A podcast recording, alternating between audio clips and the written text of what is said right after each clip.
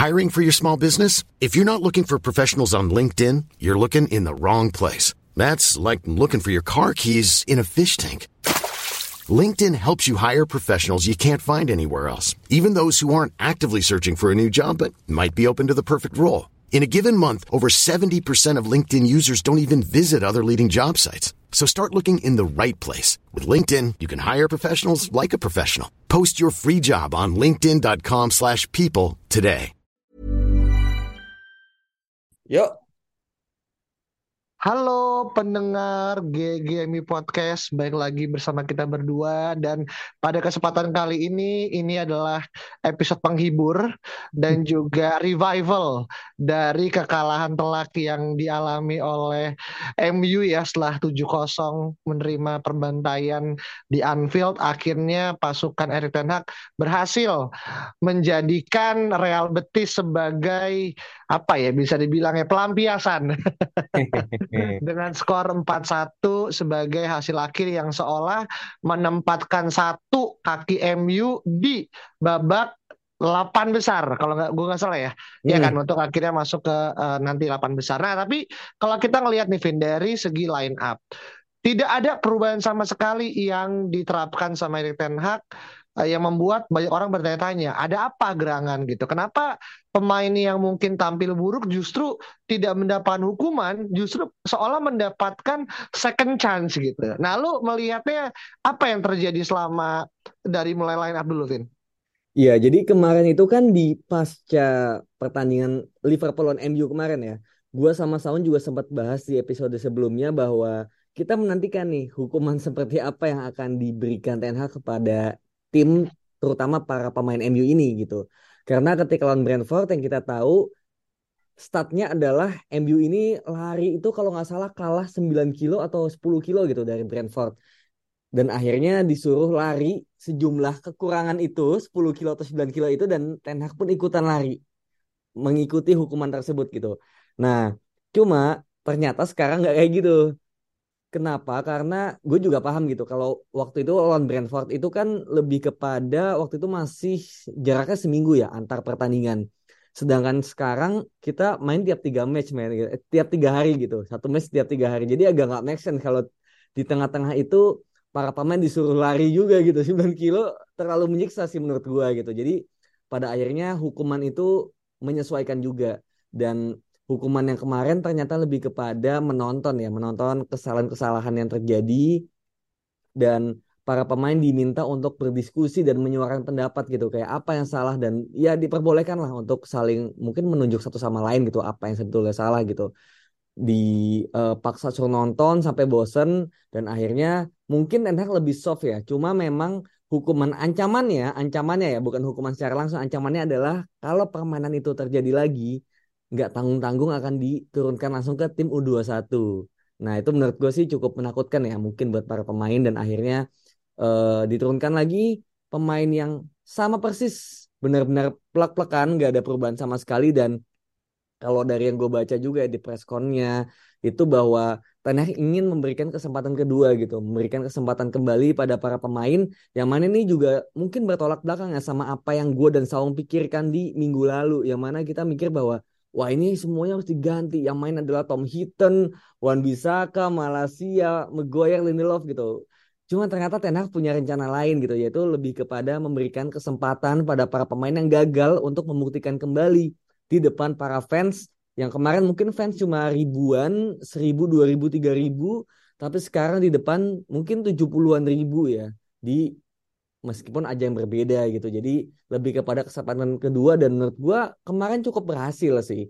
Meskipun di babak pertama uh, mungkin kita bahas nanti ya di babak pertama ini mungkin agak sedikit struggle di uh, mungkin 15 menit setelah 15 menit gitu meskipun awal-awal bagus sih gitu menurut gue jadi uh, line up lebih kepada ingin memberikan kesempatan kedua kepada pemain yang gagal di pertandingan yang lalu dan ternyata berhasil di pertandingan yang kali ini.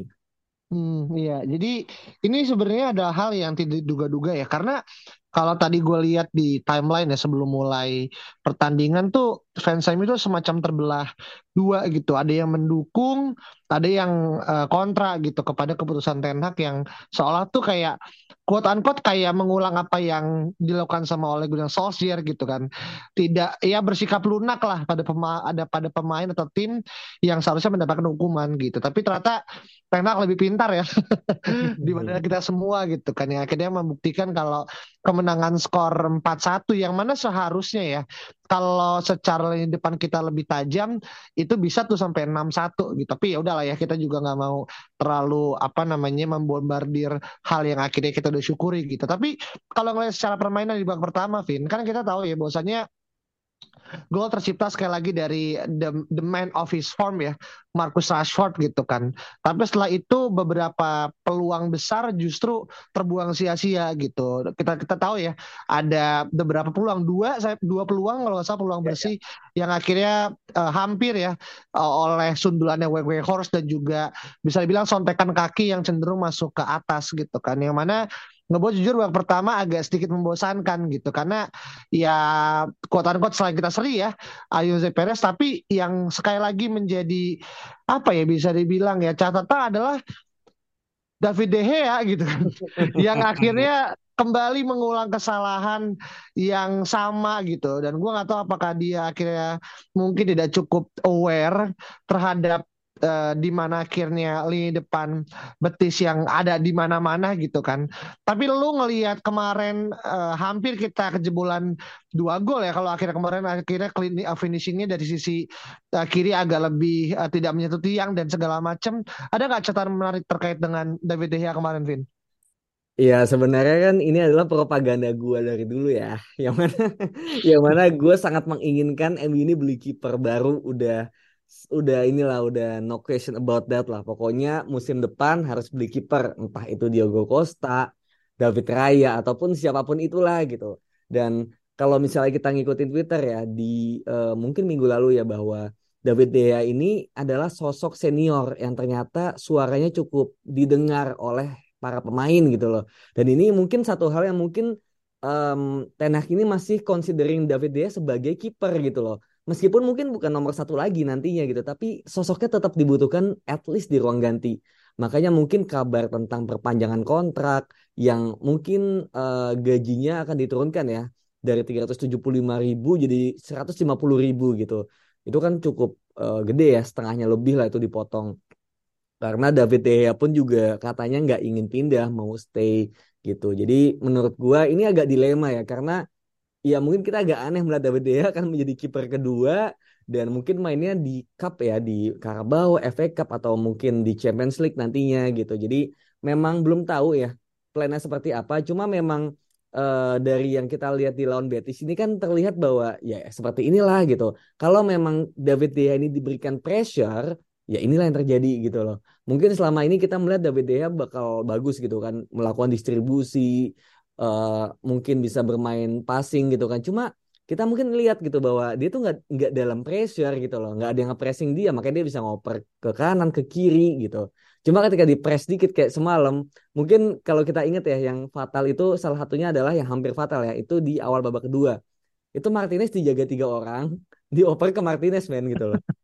itu yeah, yeah, yeah. mengulang lawan Brentford yang mana Erikson dioper ketika lagi under pressure gitu loh dan akhirnya kebobolan kan cuma ini Martinez gitu yang mungkin uh, dia udah udah lebih aware dan lebih bagus ya jadinya dia bisa melewati dengan satu step uh, apa feint pemain Betisnya kelewat dan akhirnya dia bisa oper ke samping gitu. Itu mungkin kalau kalau yang dioper itu adalah Eric Bayi ya itu mungkin bisa beda lagi ceritanya gitu. Jadi kayak lu gak bisa lihat apa tuh temen lu lagi under pressure dijaga tiga orang lu malah ngoper ke dia kayak seolah melempar beban ke temen lu gitu kayak oke okay, bukan salah gue lagi sekarang gitu. Iya, kan iya, tai iya. gitu. Sebenarnya tujuannya gue yakin bukan itu sih cuma lebih kepada ya emang visinya nggak ada gitu aja.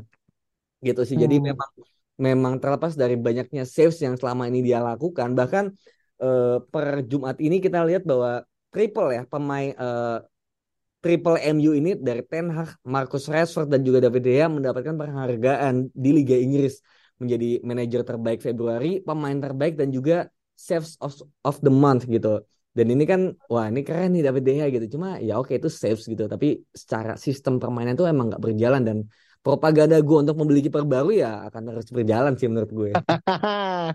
ya dan by the way itu yang di bulan uh, Februari itu pas lawan Leicester ya save-nya ya, ya kan yang mana memang saat itu ada beberapa penyelamatan dan menurut gue sih uh, kemarin emang yang bagian babak kedua tuh benar-benar fatal dan itu gue ngerasa kalau bukan atau jangankan ini lah nggak usah Bailey lah ya itu kalau Varan itu pun gue yakin ada beberapa hal yang mungkin akan balik ke belakang lagi gitu yang ujungnya nanti akan ya udah bolak balik bolak balik gitu kan yeah, untungnya yeah. Martinez kan cukup oke okay ya secara progresif passing ya yeah. jadi menurut gue eh, untung um, apa ya mungkin bisa dibilang untung menerima pemain yang tepat gitu. Kalau enggak bisa jadi blunder dan fatal ya, tapi ya. oke okay lah kita bergeser ya ke lini tengah gitu kan. Yang mana gue pengen menyoroti satu sosok yang kemarin tuh jujur mendapatkan banyak kritikan ya dari para pandit uh, baik eksternal maupun internal. Eksternal tuh fans luar eh atau mungkin legenda luar dan juga internal tuh adalah legenda dalam gitu. Sebetulnya kayak Paul Scholes terus juga uh, apa namanya si Roy Keane ya itu adalah Bruno Fernandes yang dianggap pada saat Liverpool dianggap bersikap kekanak-kanakan gitu kan. Dalam arti ketika dia di quote unquote adu body lah sama Konate dan jatuh segala macam justru malah apa dan dianggap bukan kapten material lah gitu kan. Tapi kemarin Fernandes menunjukkan sekali lagi ya kualitasnya gitu kan dengan satu assist, satu goals dan dia berada hampir di mana-mana gitu kan. Dan satu hal yang gue apresiasi Ten Hag memainkan Fernandes di tengah, hmm. bukan lagi di sayap gitu. Itu yang menurut gue adalah posisi terbaiknya dia gitu kan. Mungkin dia agak sedikit mundur ke belakang ya, nggak agak nggak benar-benar maju gitu kan, nggak nomor 8 yang sorry nggak nomor 8 yang advance tapi dia agak mundur ke belakang, dia menutup ruang dan dia bahkan nge-cover beberapa posisi ketika akhirnya Dalot ataupun Xiao yang akhirnya harus maju gitu. Karena lu ada catatan positif nggak terkait dengan penampilan Fernandes kemarin, Vin? Iya, Bruno Fernandes menurut gue um, again ya, ini agak sulit karena ketika lawan Liverpool itu kan menunjukkan bagaimana sikap lu, attitude lu ketika tim lagi jatuh, satu tim lagi jatuh dan kepemimpinan lu diuji di sana. Dan itu kemarin gue akui ya, dan semua orang melihat bahwa iya dia gagal di pertandingan kemarin ya. Konteksnya kita persempit di pertandingan lawan Liverpool. Ketika satu tim lagi jatuh, butuh seorang pemimpin yang menyemangati at least biar nggak kebobolan lagi gitu. Cuma malah attitude-nya dia tuh malah way apa whining uh, mengeluh dan kemudian malah uh, pura-pura jatuh dan malah dia ada budgetik yang uh, ngelewatin dia terus dia diem aja gitu kayak ya udahlah gitu. Itu kan attitude yang nggak bisa diterima sebetulnya. Dan apa ya mungkin kita bisa melihat orang aslinya sifat aslinya attitude aslinya itu ya ketika di posisi seperti itu gitu. Di posisi sulit di posisi lagi tertekan lagi terpuruk ya itu kelihatannya di situ gitu. Kalau lagi fine mah ya ya emang kelihatannya bagus-bagus aja kan gitu. Jadi mungkin uh, kalau kata Ten Hag sih semua orang membuat kesalahan ya. Everyone do a mistake dan gue yakin uh, Fernandes ini bakal lebih baik lagi. Bahkan kalimat Ten Hag adalah dia bagus tapi terkadang terlalu apa terlalu bereaksi berlebihan gitu. Nah ini mungkin satu hal yang mungkin harus bisa dia kontrol. Kalau dia bisa lebih tenang lagi, dia bakal jadi pemain yang jauh lebih komplit lagi. Gak cuma dari sisi teknis tapi dari sisi leadership juga. Dia mungkin terlalu bersemangat gitu sampai akhirnya ya melakukan hal-hal yang nggak perlu gitu. Dan ketika ada hal yang harusnya dia kejar kayak uh, ngejar budgetnya gitu dia malah energi udah habis gitu udah malas karena merasa ya gue udah dari tadi udah melakukan hal-hal yang mungkin sifatnya apa ya teatrikal gitu loh. Cuma malah ketika yang harusnya dia kejar malah dia akhirnya diem aja gitu. Jadi menurut gue kemarin pembuktian juga satu gol dan juga satu asis ya kalau nggak salah ke golnya Anthony juga dan itu sangat bagus menurut gua dia ada di mana-mana dia uh, golnya Rashford juga dia ada andilnya dia ya yang mencoba crossing. Ya. jadi menurut gua uh, semoga ini juga kebangkitan ya bagi Bruno Fernandes dan terutama mungkin kalau teknis sih gue nggak nggak ada yang meragukan ya. Dia pasti bisa bermain ke dalam sistem dan juga bisa um, apa ya beradaptasi lah gitu. Setidaknya untuk posisi yang sekarang gitu. Cuma masalah leadership ini juga satu hal yang mungkin harus dikembangkan lagi gitu. Dia udah bagus dalam menyemangati tim ketika timnya lawan tim-tim yang gak terlalu sulit. Cuma kalau lawan tim-tim besar dan tim lagi under pressure ya itulah dia harus belajar dan semoga Ten Hag bisa menularkan leadershipnya dia kepada Bruno. Hmm, iya iya iya karena kalau kita ngomongin teknikal sih kita dari awal didatang ya itu kan kita udah kita anggap sebagai seorang pahlawan ya meskipun sekali lagi yang missing dari dia kan sebelumnya adalah piala kan tapi kan kita nggak meragukan lah kalau dia akan jadi future United Legend ya. Apalagi dengan uh, di bawah naungan Ten Hag sih gue yakin yang kurang dari dia udah mulai sedikit demi sedikit kan apa ya terangku ya piala gitu kan di piala Ciki lah gitu kan dan gue yakin pasti akan lebih banyak lagi gitu. Tapi poinnya adalah kita melihat Bruno yang akhirnya berbeda dan dia menunjukkan bahwasanya dia masih deserve lah untuk mendapatkan ban kapten gitu karena emang ya di posisi saat ini selain dari David De Gea dan juga mungkin Harry Maguire ya yang udah dianggap pemain senior yang lainnya masih sangat blooming gitu dan lu nggak bisa ngasih ke orang-orang yang mungkin masih belum teruji gitu. Kecuali mungkin Ten Hag tertarik untuk ngasih ke Casemiro gitu. Iya ya dan dan, dan juga otomatis pemain baru juga gitu. Iya dan gak wise juga kalau diganti di tengah musim gitu. Kayak benar. satu pertandingan tuh nggak define a whole season gitu. Ya kan? Ten Hag juga bilang gitu kan kita 22 pertandingan atau 23 pertandingan kalah satu dan sekarang kita kalah lagi dan ini nggak bisa menjadi justifikasi musim kita gitu. Kita tuh udah musim yang bagus dan it's just three points gitu. Tujuh nolnya mungkin lebih kepada malunya aja gitu dan bantar-bantar antar fans aja gitu. Cuma kayak gua aja biasa aja gitu. Tujuh nol ya udah kalah tapi nggak lagi yang sakit hati banget biasa aja gitu. Iya iya iya iya oke oke. Nah ini sebenarnya ada dua hal ya yang akhirnya mau kita bahas juga nih terkait dengan momen yang menurut gue cukup bisa bilang apa ya satu cameo satu lagi adalah the moment of truth gitu. Yang pertama adalah bagaimana akhirnya masuknya Facundo Pellistri ya menggantikan Anthony yang somehow dalam hitungan berapa? 10 menit kurang ya. 80-an eh, dia bisa membuahkan suatu apa impact ya. Meskipun dia tidak langsung direct assist tapi dari bisa dibilang ya uh, penetra, penetrasi ya dari sisi kanan dia yang akhirnya ngebuat ngebuka jalan untuk McTominay melakukan shoot, block dan juga akhirnya diselesaikan dengan harus itu kalau sampai nggak gol tuh emang bener-bener keterlaluan sih. Oleh Wake Wakehorse gitu kan dan dia melakukan selebrasi yang sangat-sangat emosional karena gol pertamanya dia ya di Old Trafford setelah nunggu berapa? Bisa bilang hampir ada 10 pertandingan lebih ya uh, ya. yang akhirnya dia mainkan di tan kandang ya dan akhirnya kemarin adalah ya gol manis lah penutup gitu. Kalau ada catatan nggak untuk prosesi gol ini, Vin? Iya, uh, Pelistri ya menurut gue ya deserve a chance juga ya untuk bermain setelah selama ini juga selalu Garnacho ataupun mungkin ada satu momen di mana Elangga yang bermain gitu. Cuma Pelistri juga menunjukkan bahwa dia kalau kata Ten Hag ya di latihan tuh dia menunjukkan bahwa dia pantas mendapatkan menit bermain. Dan ya 10 menit cukup lah kayak kemarin. Dan memang Pelistri ini kan masalah lebih ke fisik ya yang mana uh, kita lihat dia agak kurus dan juga nggak yakin apakah bisa bersaing gitu ketika uh, apa ya adu body gitu kasarnya. Dan kemarin tuh memang Betis ini kakinya udah capek gitu kelihatan udah capek dan Pelistri ini kan mainnya cukup direct gitu dia cepat. Dan menurut gua kemarin adalah momen yang pas juga untuk dimainkan dan akhirnya membuktikan diri Cuma memang ketika pada akhirnya banyak yang bilang coba dikasih starter, nah itulah satu hal yang mungkin gue nggak yakin gitu.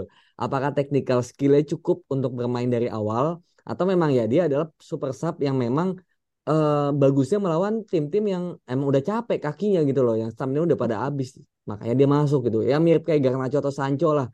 Kalau main dari awal tuh agak-agak ini agak-agak apa kurang bagus gitu karena mereka bagusnya tuh bermain ketika lawan tuh udah capek gitu sih.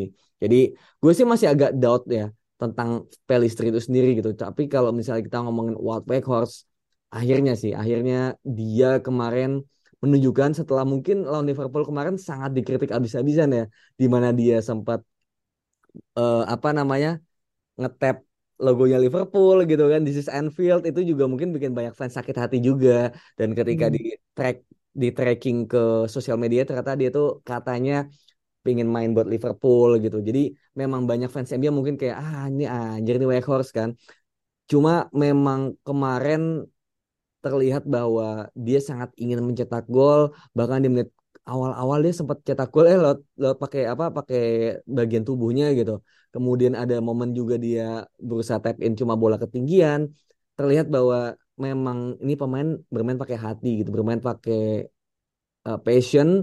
Nggak peduli dia main buat siapa yang penting dia profesional gitu. Meskipun mungkin di masa lalu ya dia suka Liverpool tapi sekarang ketika bermain untuk MU ya dia profesional. Dia bermain untuk Ten Hag dan tim MU itu sendiri gitu. Jadi deserve untuk golnya meskipun uh, ini ya apa bola rebound tapi yang penting adalah bagaimana positioning dan juga ya ketika di luar gol pun pressing dia juga tanpa henti dia bisa diandalkan gitu. Bahkan dibanding Anthony Martial Weghorst sudah bermain dengan menit yang jauh lebih banyak gitu.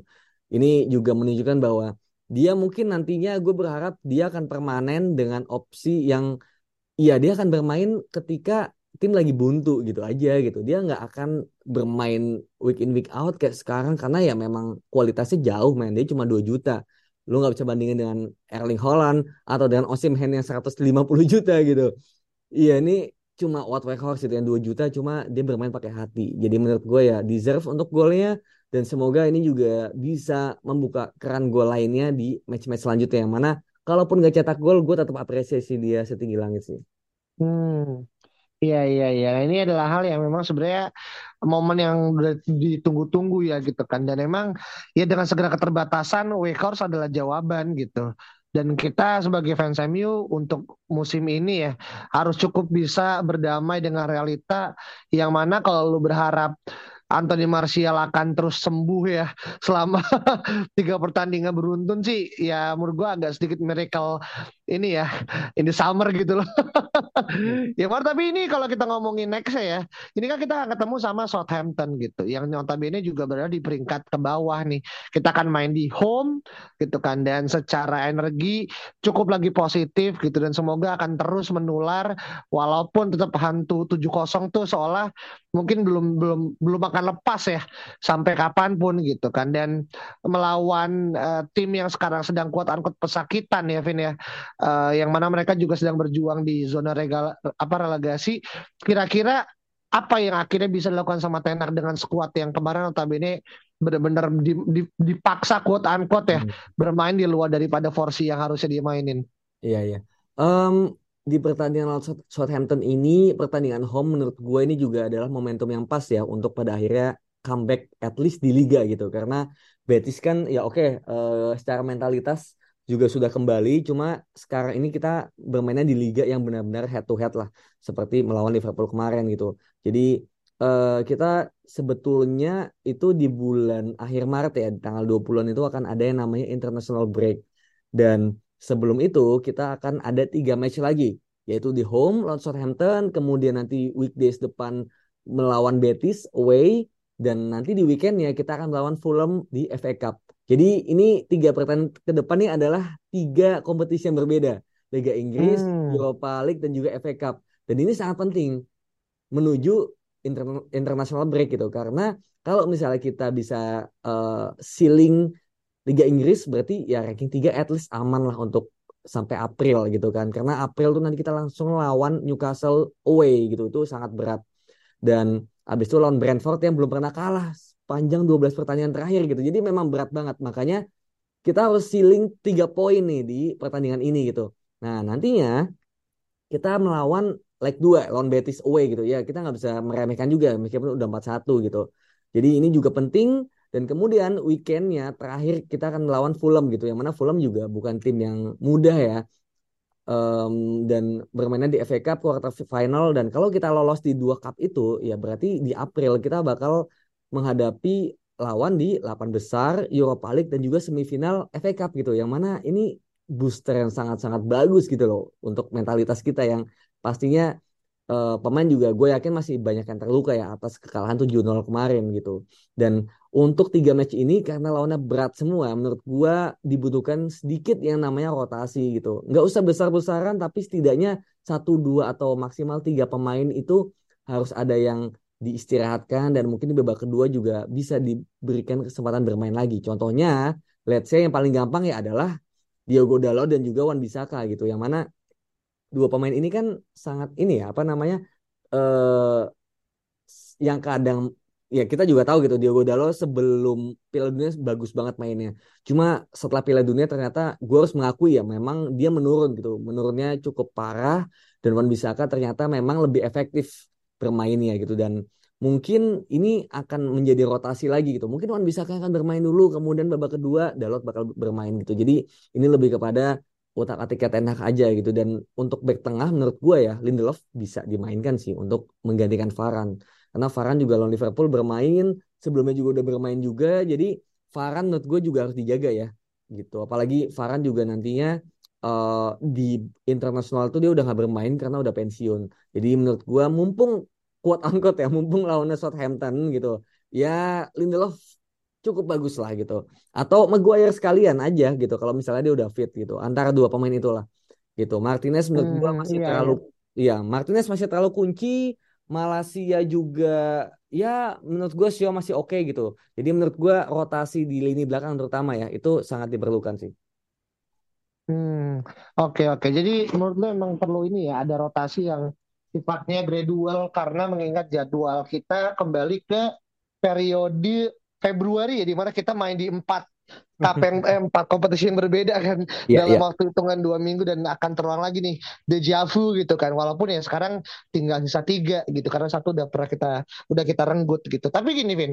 Uh, memang sebenarnya menurut gue pribadi ya pertandingan melawan Southampton ini kan mengingatkan kita pada memori yang cukup indah juga. Di tahun 2021 di eranya uh, Ole kita menang 9-0 gitu kan.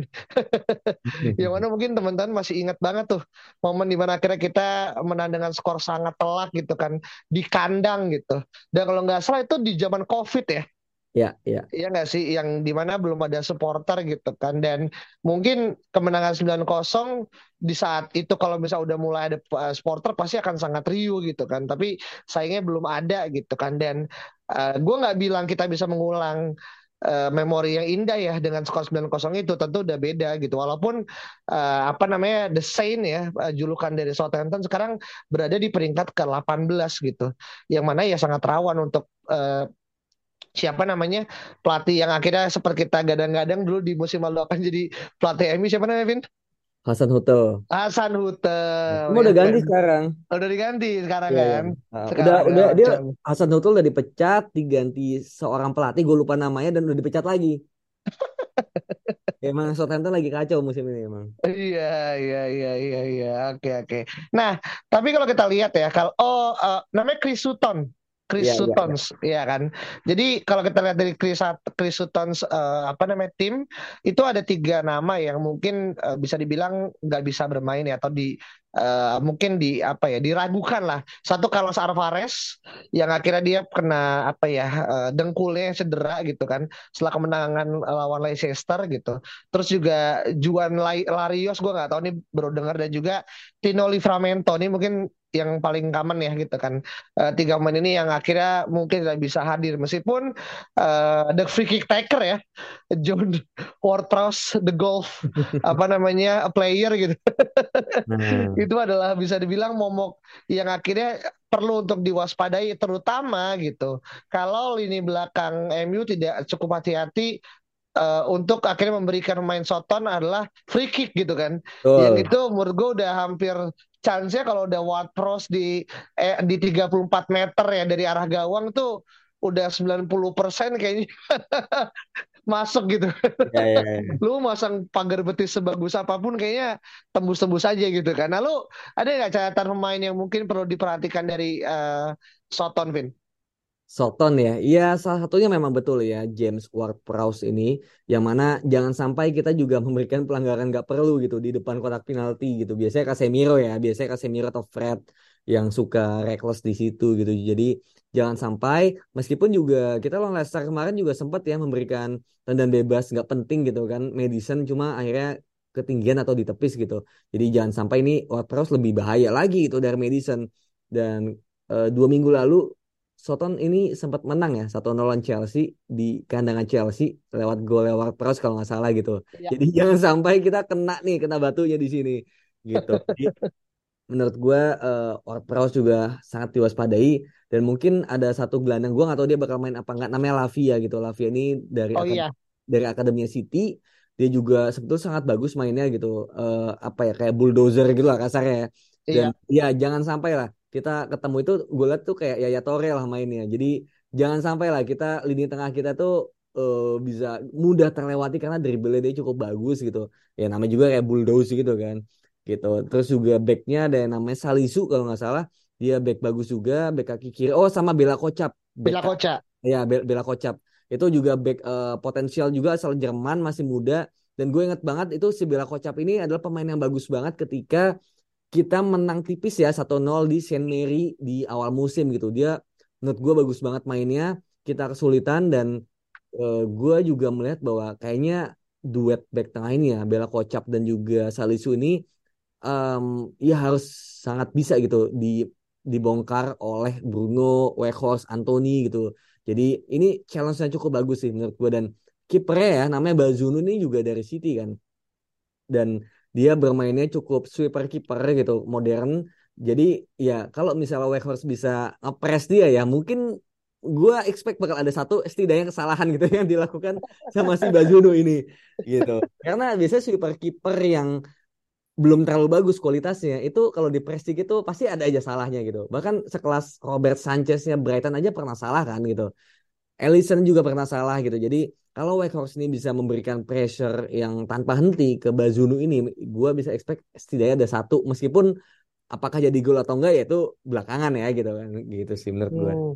I see, I see. Ya, jadi memang akhirnya ada beberapa pemain muda ya. Dan gue ingat banget tuh Latvia sendiri seminggu yang lalu sempat dikaitin dengan MU ya di bursa transfer gitu yeah, kan yeah. dan gue ngeliat kompilasi di YouTube as always ya gitu ya ini pemain emang bener-bener punya potensi gitu kan dan ketika lo tadi bilang the next ya Torre gue bisa ngeliat secara fisikal ya attributes dan juga bagaimana karena dia juga nggak kalah apa ya mungkin bisa bilang duel ya areal duel ya menurut gue bagus banget sih dan kita gue gue merasa ini adalah player to watch ya selain Bela Kocap yang mungkin memang akhirnya dua ini yang uh, cukup menyuri, menyuri perhatian gitu. Ya, ya. Kalau ya. akhirnya Southampton masih bisa uh, berlaga di Liga Inggris musim depan gitu. Karena kalau misalnya enggak, gue cukup yakin Latvia dan juga Bela Kocap ya akan ya kemungkinan besar ya akan meninggalkan uh, Saint Mary Stadium lah ya hmm. untuk akhirnya tetap bertahan di Liga Inggris gitu karena itu akan jadi exposure gitu.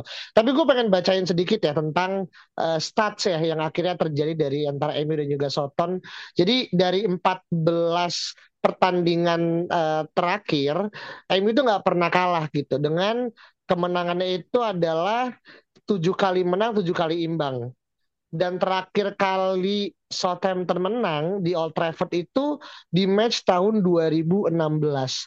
Dan kalau siapa pun yang akan mencetak gol pertama MU besok melawan Soton itu adalah gol ke-100 MU sepanjang sejarah Liga Inggris dari era dulu ya sampai sekarang ya itu gol ke 100 gawang Southampton. Jadi cukup banyak nih akhirnya uh, apa MU mencetak gol ke gawang Soton gitu kan. Dan kita tinggal melihat siapa yang akan menjadi pencetak rekor gol ke 100 MU ke gawang Soton gitu kan. Jadi iya. kalau misalkan ngomongin secara apa namanya uh, stats MU diunggulkan lah gitu kan terutama kan dengan kondisi psikologi yang akhirnya baru aja bangkit ya dan juga akhirnya mungkin pemain masih punya harap-harap untuk akhirnya bisa mengintip ke dua besar gitu kan meskipun gue cukup yakin chance-nya kema kemarin adalah momen reality check gitu. Tapi we'll see lah apa yang terjadi ketika kita akan melawan Southampton gitu kan. Nah, mungkin itu aja teman-teman terkait dengan pembahasan kita ya mengenai review Betis dan juga preview melawan Southampton. Uh, nantikan sekali lagi momen ketika teman-teman nanti akan melewati hasil di akhir minggu ya. Dan semoga besok Seninnya menjadi lebih ceria ya, at least dibandingkan dengan Senin minggu ini itu. Bisa akhirnya datang dengan kepala tegap dan uh, akhirnya menjadi sebagai fans MU seperti biasa yang koar-koar menciptakan suatu huru hara gitu kan. Itu aja dari kita berdua, kita ketemu lagi di next episode. Jangan lupa untuk follow Twitter dan juga uh, apa namanya Spotify-nya GGMU dan kasih bintang 5 supaya kita terus bisa berkarya menghasilkan uh, cuitan tentang MU di lain kesempatan. Thank you so much. Kita ketemu lagi lain kesempatan. Bye bye. Hi, I'm Daniel, founder of Pretty Litter. Did you know cats tend to hide symptoms of sickness and pain? I learned this the hard way after losing my cat, Gingy. So I created Pretty Litter, a health monitoring litter that helps detect early signs of illness by changing colors, saving you money and potentially your cat's life. Pretty Litter is veterinarian developed, and it's the easiest way to keep tabs on your fur baby's health right at home. Go to prettylitter.com and use code ACAST for 20% off your first order and a free cat toy. Terms and conditions apply. See site for details.